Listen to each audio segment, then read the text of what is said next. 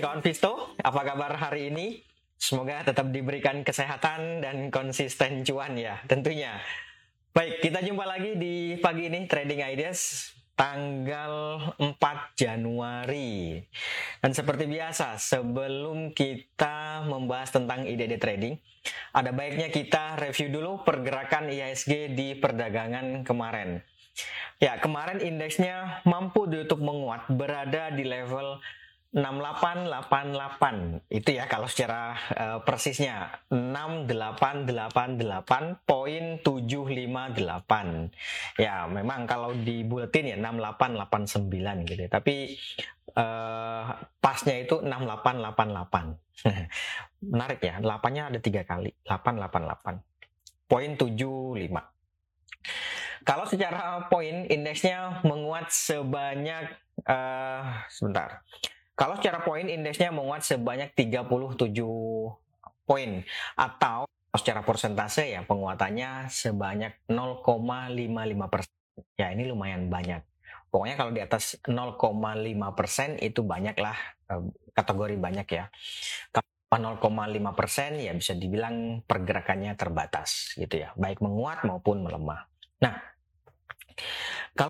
dari pergerakannya sempat memang dibuka melemah di awal perdagangan sebagaimana tampak di uh, gambar ya. Hanya saja itu tidak bertahan lama, kemudian muncul dorongan beli yang membawa indeks bergerak di teritori positif, bahkan bergerak lebih jauh. Uh, ya kurang lebih 0,5 persenan uh, sejak dari awal perdagangan memang sudah. Gitu ya. Nah di pertengahan sesi pertama indeksnya sudah mulai agak alot atau susah untuk bergerak lebih lanjut, bergerak naik lebih lanjut. Jadi stay aja di situ gitu ya. Sejak per, uh, sejak pertengahan sesi pertama sampai akhir sesi pertama. Jadi di sesi pertama ini meskipun demikian di sesi pertama ini indeksnya bisa dibilang ya cenderung menguat apa ya? Karena memang uh, di awalnya diawali dengan pembukaan yang melemah gitu ya. Sebagaimana sebagaimana tampak di gambar lah pokoknya. Jadi di sesi pertama cenderungnya cenderung bergerak menguat. Nah sedikit berbeda dengan sesi pertama. Di sesi kedua meskipun sempat muncul dorongan beli yang mencoba untuk melanjutkan penguatan hanya saja kembali mengalami tekanan jual yang pada akhirnya uh, apa uh, kembali ke closing sesi pertama itu tadi atau bergerak sideways itu tadi. Jadi memang sejak akhir uh, sejak sesi pertama atau paruh kedua sesi pertama indeks sudah mengalami uh, tekanan terhadap kenaikan lebih lanjut gitu ya atau muncul tekanan jual yang menghambat laju itu yang paling pas bahasanya. Oke, okay. Jadi di sesi kedua ini, kalau tadi di sesi pertama cenderungnya cenderung menguat, kalau di sesi kedua kemarin itu ya bergerak sideways, tapi dominasinya dominas lebih didominasi oleh tekanan jual. Secara keseluruhan ya karena memang dibukanya di awal uh, dibukanya rendah atau bahkan melemah ya secara keseluruhan yang menjadi cenderung menguat gitu. Oke, nah dari penguatan yang terjadi di indeks tersebut, apa saja sih di perdagangan kemarin yang akhirnya membawa indeks menguat? Lima besar saham yang membawa indeks bergerak menguat. Yang pertama ada Telkom, kemudian ada MDKA, lalu ada Goto, kemudian ada Bank Mandiri, dan terakhir ada BRPT. Itu dia lima besar saham yang membawa indeks bergerak menguat ya. Telkom menduduki ranking pertama. Nah, sebaliknya, lima besar saham yang mencoba untuk menghambat laju penguatan indeks itu yang pertama ada Bank Rakyat atau BBRI, kemudian disusul oleh Astra Internasional, lalu ada Adaro Energi, kemudian ada TPIA, dan terakhir ada Arto atau Bank Jago. Itu dia saham yang mencoba untuk menghambat laju penguatan indeks. Bagaimana dengan transaksi asing? Ya, di perdan kemarin asing sendiri secara keseluruhan itu mencatatkan net sell yaitu sebanyak 148 bio. 148 bio itu net sell asing secara keseluruhan. Tapi kalau kita lihat lebih jauh di perdagangan reguler sendiri asingnya mencatatkan net buy yaitu sebanyak 50 bio. Lumayan lah ya. Meskipun tipis tapi ya setidaknya menghentikan laju net sell selama kurang lebih sepekan terakhir. Benar nggak? Nah, di perdagangan non regulernya, di perdagangan negonya memang asing mencatatkan net sell-nya sebanyak 109.3 bio. Oleh karena itu secara keseluruhan menjadi net sell-nya uh, 148 bio. Gitu ya. Itu untuk uh, net buy net sell asing. Nah, dari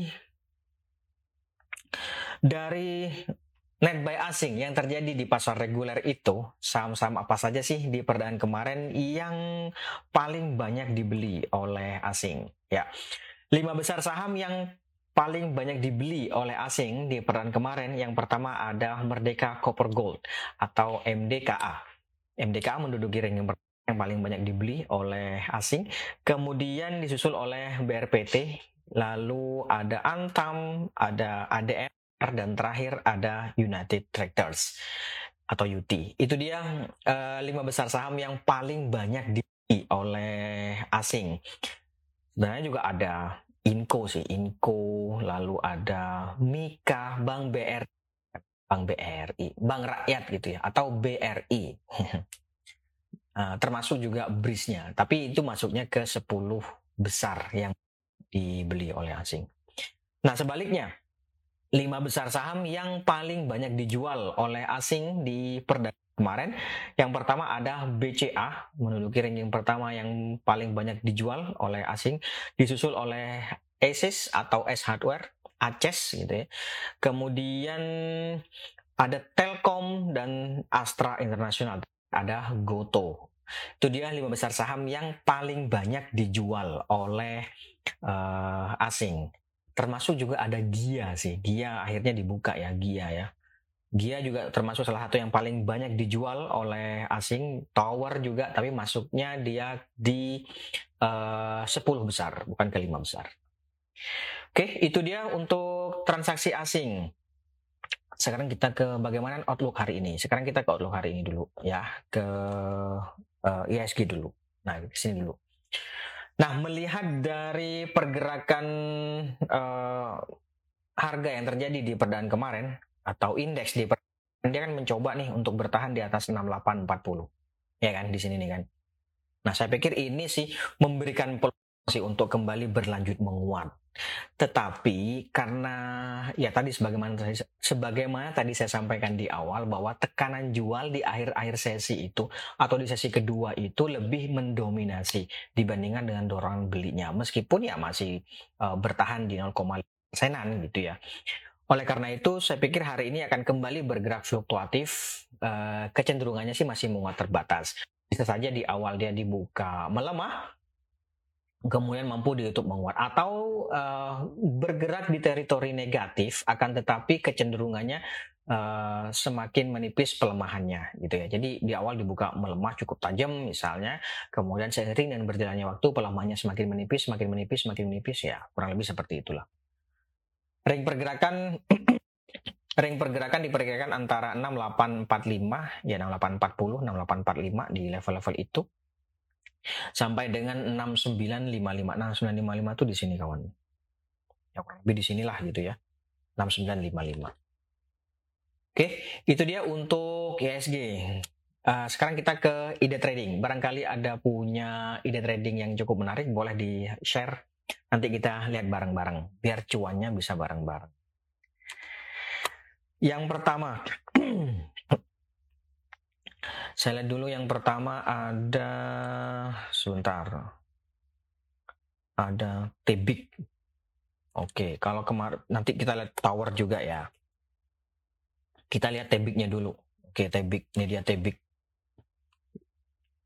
Nah, ini sampai sekarang harga ini masih mengalami uh, konsolidasi ya kan sudah kurang lebih ya selama sebulan terakhir lah dia konsolidasi supportnya ada di sini nih 2270 kemudian resistnya ada di 2410 Nih, memang idealnya ya tentu saja sih beli di sini, ya nggak 2270. Akan tetapi kan kemarin sudah bergerak rebound nih. Uh, uh, memang masih ada peluang sih untuk bisa dapat di 2270 di, di level-level sini. Tapi menurut saya sih nggak ke situ aja. Ini trading buy pun sudah boleh. 2300 sampai dengan 2330 itu sudah boleh. Jadi ada dua strategi ya. Yang pertama boleh untuk dua uh, trading buy yaitu di 2300 sampai dengan 2330. Kalau mau buy Nes ya boleh juga di 2 270 sampai 2300 ya itu boleh di level-level itu gitu. Nah, uh, nanti target take profitnya di 2410. 2410 di sini nih. Ini cukup ideal sih udah. Target take profit di 2410 cukup ideal. Karena kan memang uh, bergerak sideways di situ. Ya kan? Di atasnya sih ada 2450. 2450 boleh juga sih. Kalau misalnya 2410-nya di diambilnya atau uh, kuat di atas 2410 ya nggak ada salahnya sih pasang di 2450. Tapi misalnya kok ternyata uh, apa namanya meragukan gitu daripada buntung bukan buntung sih daripada uh, ya amankan keuntungan lah gitu yang jelas. Oke okay, amankan profit. Karena take profit nggak pernah salah di berapapun itu untuk Tebik kemudian berikutnya Berikutnya sebentar saya lihat dulu. Ad... Telkom.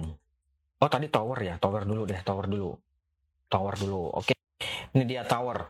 Nah, tower di perdaan kemarin dia kembali bergerak menguat ya, setelah sempat melemah. Nih, dia kan melemah terlebih dahulu nih, uji support yang ada di 1120. Kemudian dia mampu bergerak menguat sampai lewat lagi di atas ini nih. Jadi di buka dibuka terlebih dahulu kemudian uh, dibuka sama gitu ya dengan closing sebelumnya lalu bergerak melemah dan mampu ditutup menguat uji resist yang ada di 1175 ya bisa saja sih buy on breakout di atas 1175 nanti 1200 take profitnya gitu ya tapi kalau misalnya nggak kuat di atas uh, 1175 ya mending tunggu aja dulu sekalian gitu ya itu untuk jangka pendek untuk uh, view short to mediumnya gimana? Ini kalau short mediumnya ya spekulatif buy. Nih, ini weekly-nya ya kawan ya. Ada peluang peluangnya sih ke 1290-an di level-level itu. Atau kalau misalnya saya nih take profit enggak? Tergantung view-nya. Kalau view-nya uh, apa namanya short to medium boleh di hold gitu ya. Tapi kalau mau memanfaatkan fluktuasi jangka pendek, ya, misalnya hari ini dia gagal ber atau gagal melewati 1175 ya menurut saya sih nggak ada salahnya untuk take profit terlebih dahulu. Pokoknya kalau take profit itu nggak pernah salah di itu ya. Yang salah itu uh, yang salah itu udah profit berharap lebih kemudian turun cut loss. Nah itu. Oke, itu untuk tower. Ya Telkom. Telkom dulu ya. Nah, ini dia Telkom. Telkom di perdaan kemarin dia mampu ditutup menguat tampaknya bergerak di atas 3820. Ya. Penguatan di atas 3820 ini saya pikir memberikan peluang untuk berlanjut. Jadi ini bisa saja sih spekulatif buy ya. Di 3820 sampai 3860 ya di level-level itu boleh lah atau 3820 sampai 3840 ya boleh di level-level itu juga gitu ya. Target take profitnya di 3970 kawan. Sini nih. 3970 saya pikir sih cukup sudah cukup ideal. Memang uh, ya di atasnya sih ada 4030 tapi saya pikir 3970 harusnya sih sudah cukup ya.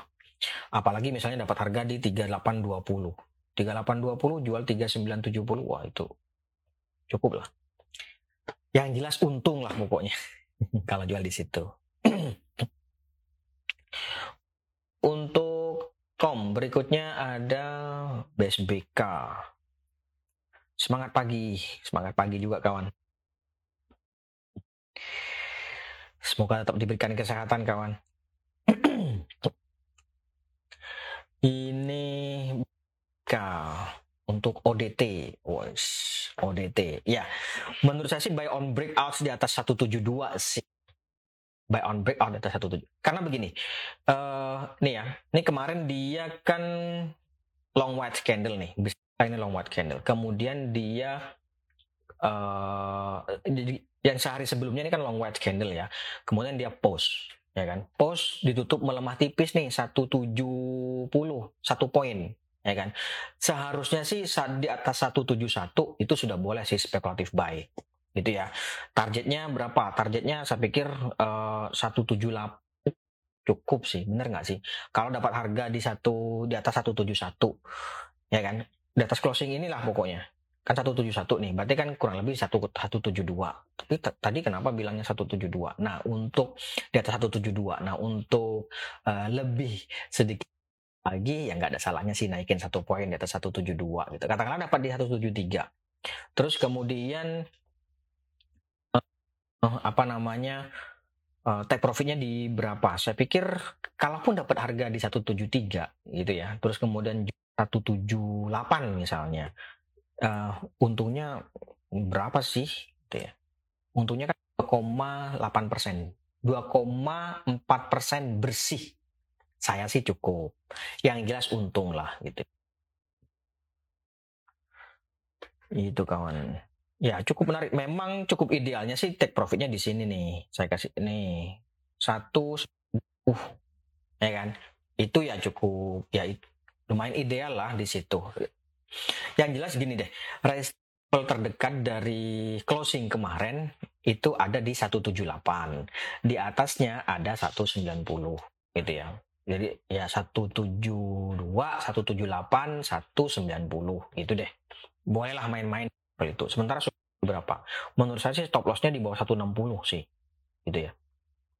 Kalau harga gagal bertahan di atas 60 ada baiknya dipertimbangkan untuk amankan uh, modal terlebih dahulu. Nanti begitu ada tarikan lagi ya ikut lagi. Menarik sih ini BSBK ini. Kenapa ya? Karena itu tadi post. Nih ya saya kasih tahu ya yang post-post tuh kayak gini nih. Contoh yang post. Nah, masalahnya ini kecil sih ya. Gini deh mudah-mudahan kelihatan nggak. Nah kayak gini nih. Ya, kayak gini ini kan long whites nih ya. Kemudian dia mengalami post ya kan. Nah besoknya memang ini ditutup melemah, tapi ini pergerakannya kan ini dibuka melemah dulu nih, dibuka melemah dulu di sini dibukanya, terus kemudian dia sampai di atas sini, di atas closing ini nih, di atas closing ini, ini berapa? 260. Nah di atas ini kan kita boleh ikutan nih. Targetnya berapa? Nggak usah jauh-jauh sih. Harusnya di sini sih cukup. Ini berapa nih? 278. Jadi dapat harga di 262 264 jual 278 itu sudah untung. Apalagi ini kan tertingginya sampai berapa nih? 296 290 wah itu udah cukup sih. Kurang lebih juga sama sih kayak gini nih. Kurang lebih sama lah gitu ya. Kalau terjadi long white candle terus terjadi pause maka ya ada baiknya dipertimbangkan buy on out saja gitu. sekali lagi kalau resisten kemarin itu ada di 172 paling dekat, 171 lah gitu ya. Paling tidak di atas 171, paling tidak loh kalau mau spekulatif buy. 170 terus kemudian 178, lalu 190. Dah nggak usah jauh-jauh mainnya. Mainnya deket-deket aja. Oke, kemudian kita lanjut lagi. Ada uh, MDKA. MDKA. MDKA. Nah, ini MDKA ini menarik. Kemarin dia mampu ditutup menguat dan uh, uji resist yang ada di 4330. Closingnya kemarin 4320 sih. Ya, makanya mending buy on breakout saja. Kenapa? Yang pertama karena dia juga uji resist 4330. Yang kedua terjadi long white candle nih. Saya khawatirnya dia uh, uh, mengalami post terlebih dahulu. Maka ada baiknya buy on breakout juga. Kurang lebih hampir, hampir sama lah dengan yang tadi ya BSBK ya. MDK buy on breakout di atas 4330, target take profitnya 4450 di sini nih kawan, 4450 nih yang garis hijau nih. 4450 di atasnya ada 4500 ya. Cukup menarik sih. Terus kalau melihat ini nih, ini golden cross juga nih kan. MACD-nya uh, eh, golden cross kawan. Jadi menurut saya sih oke okay lah ini, gas dah. Nanti stop lossnya kalau harga melemah sampai di bawah 4250 boleh dipertimbangkan untuk amankan modal terlebih dahulu. Ya atau sekalian di atas di bawah 4200 ini. Bawah sini nih. Ya. Kemarin itu kan dia melewati EMA 50 juga nih, cluster lah dengan 4200. Ya nggak sih? Cluster dua pintu. Oke, uh, itu untuk MDKA. Kemudian kita lanjut lagi. Lanjut lagi ada BRI. Oke, BRI. Ya. Uh, BRI kemarin di YouTube melemah sih, melemahnya dua poin. Melemah dua poin uh, sebentar. Melemah dua poin. Jadi menurut saya idealnya sih memang ini adalah buy on witness meskipun dorongan belinya terjadi di peran kemarin ya kan mencoba uh, eh, dorongan beli yang terjadi kemarin itu mencoba untuk menghambat laju pelemahan tetapi bukan menghilangkan tekanan jual yang uh, lebih mendominasi gitu ya. Jadi idealnya sih ini buy on weakness. 4800 ke bawah idealnya gitu ya. Coba kita lihat uh, weekly-nya ya atau short to medium-nya. Nah benar kan? Kurang lebih sama lah ini buy on weakness nih. Karena dia nih gagal di sini nih loh yang membuat dia agak berat. Tuh, setidaknya ini kalau buy on witness di 4700 tuh jadi 4700 kali ya. Tuh. Apalagi ini untuk uh, short to mediumnya mending tunggu aja dulu gitu. Kecuali harga menguat sampai di atas level 5000 ya boleh lah ikutan kalau di atas itu. Oke, itu untuk uh, BRI. Kemudian hmm, kita lanjut dulu. Ada Saratoga. Saratoga dulu ya.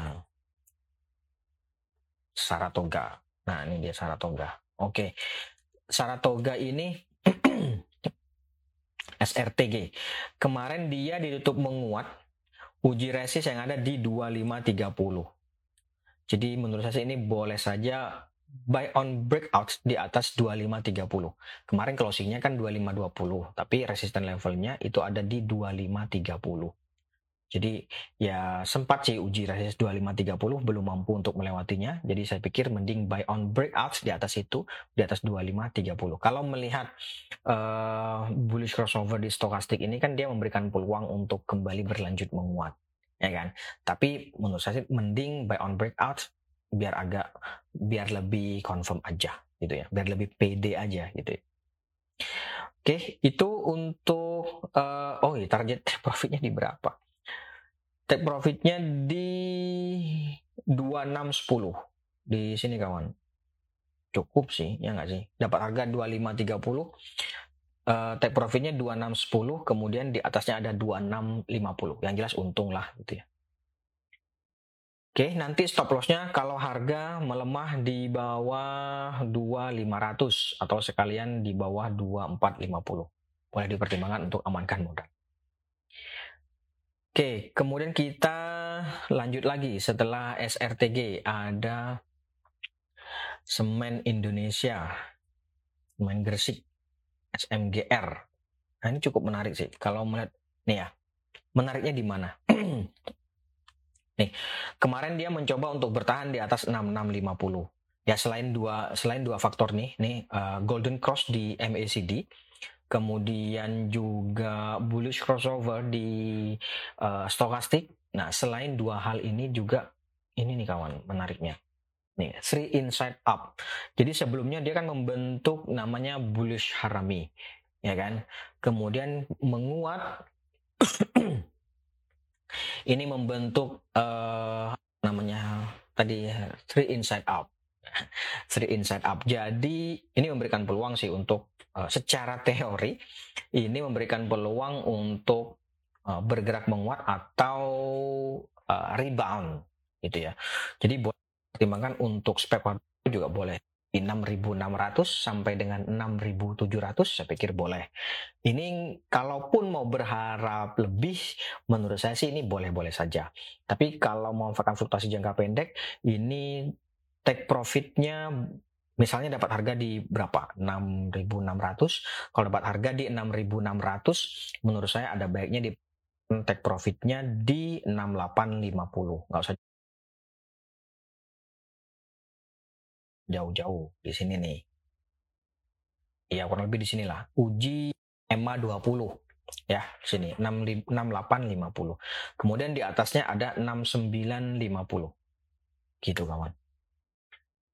Ya idealnya sih memang 7000 sampai uh, ya 7000 kan beda tipis ya.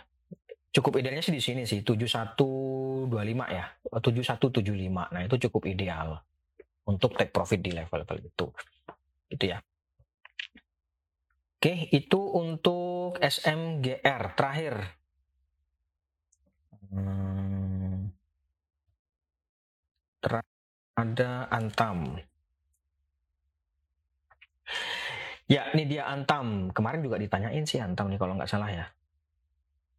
Nah, Antam di perdana kemarin juga mampu untuk menguat setelah gagal melewati EMA 50. Ini sih trading buy. Ya, boleh saja sih trading buy ini. Tapi targetnya uh, trading buy atau spekulatif buy ya karena kan ini kan uji level psikologis kan 2000 ya nggak sih nggak usah jauh-jauh sih menurut saya 2003 kalau uh, 2000 jual 2030 sebenarnya untung nggak sih? Untungnya berapa sih? 1,5 1,1 persen. Ya idealnya sih memang jualnya di sini nih 2060 ya. Spekulatif buy ya boleh lah. Uh, level terdekatnya itu 2040 terus kemudian 2060 2040 2060 pertimbangan untuk take profit di level situ. Kalau misalnya dapat harga di 2000 jual 2040 ya untuk persen kotor 1,6 persen bersih. Lumayan lah ya. Oke oh iya jangan lupa untuk uh, download Alobank pakai QR code. Ada di QR code-nya ya. Ini bukan kris ya, tapi QR. Silakan di SS QR code-nya dan kemudian nanti download Alobank uh, uh, itu dapatkan MPC point. dapatkan MPC point nanti. Uh, transaksi di oh, tentunya gitu ya. Baik, saya pikir itu dulu Konvisto untuk hari ini. Terima kasih atas kehadiran dan pastinya kita jumpa lagi besok. Uh, mohon maaf jika ada salah kata. Tetap jaga kesehatan. Sekali lagi terima kasih. Selamat pagi. Salam investasiku for better tomorrow. For better tomorrow.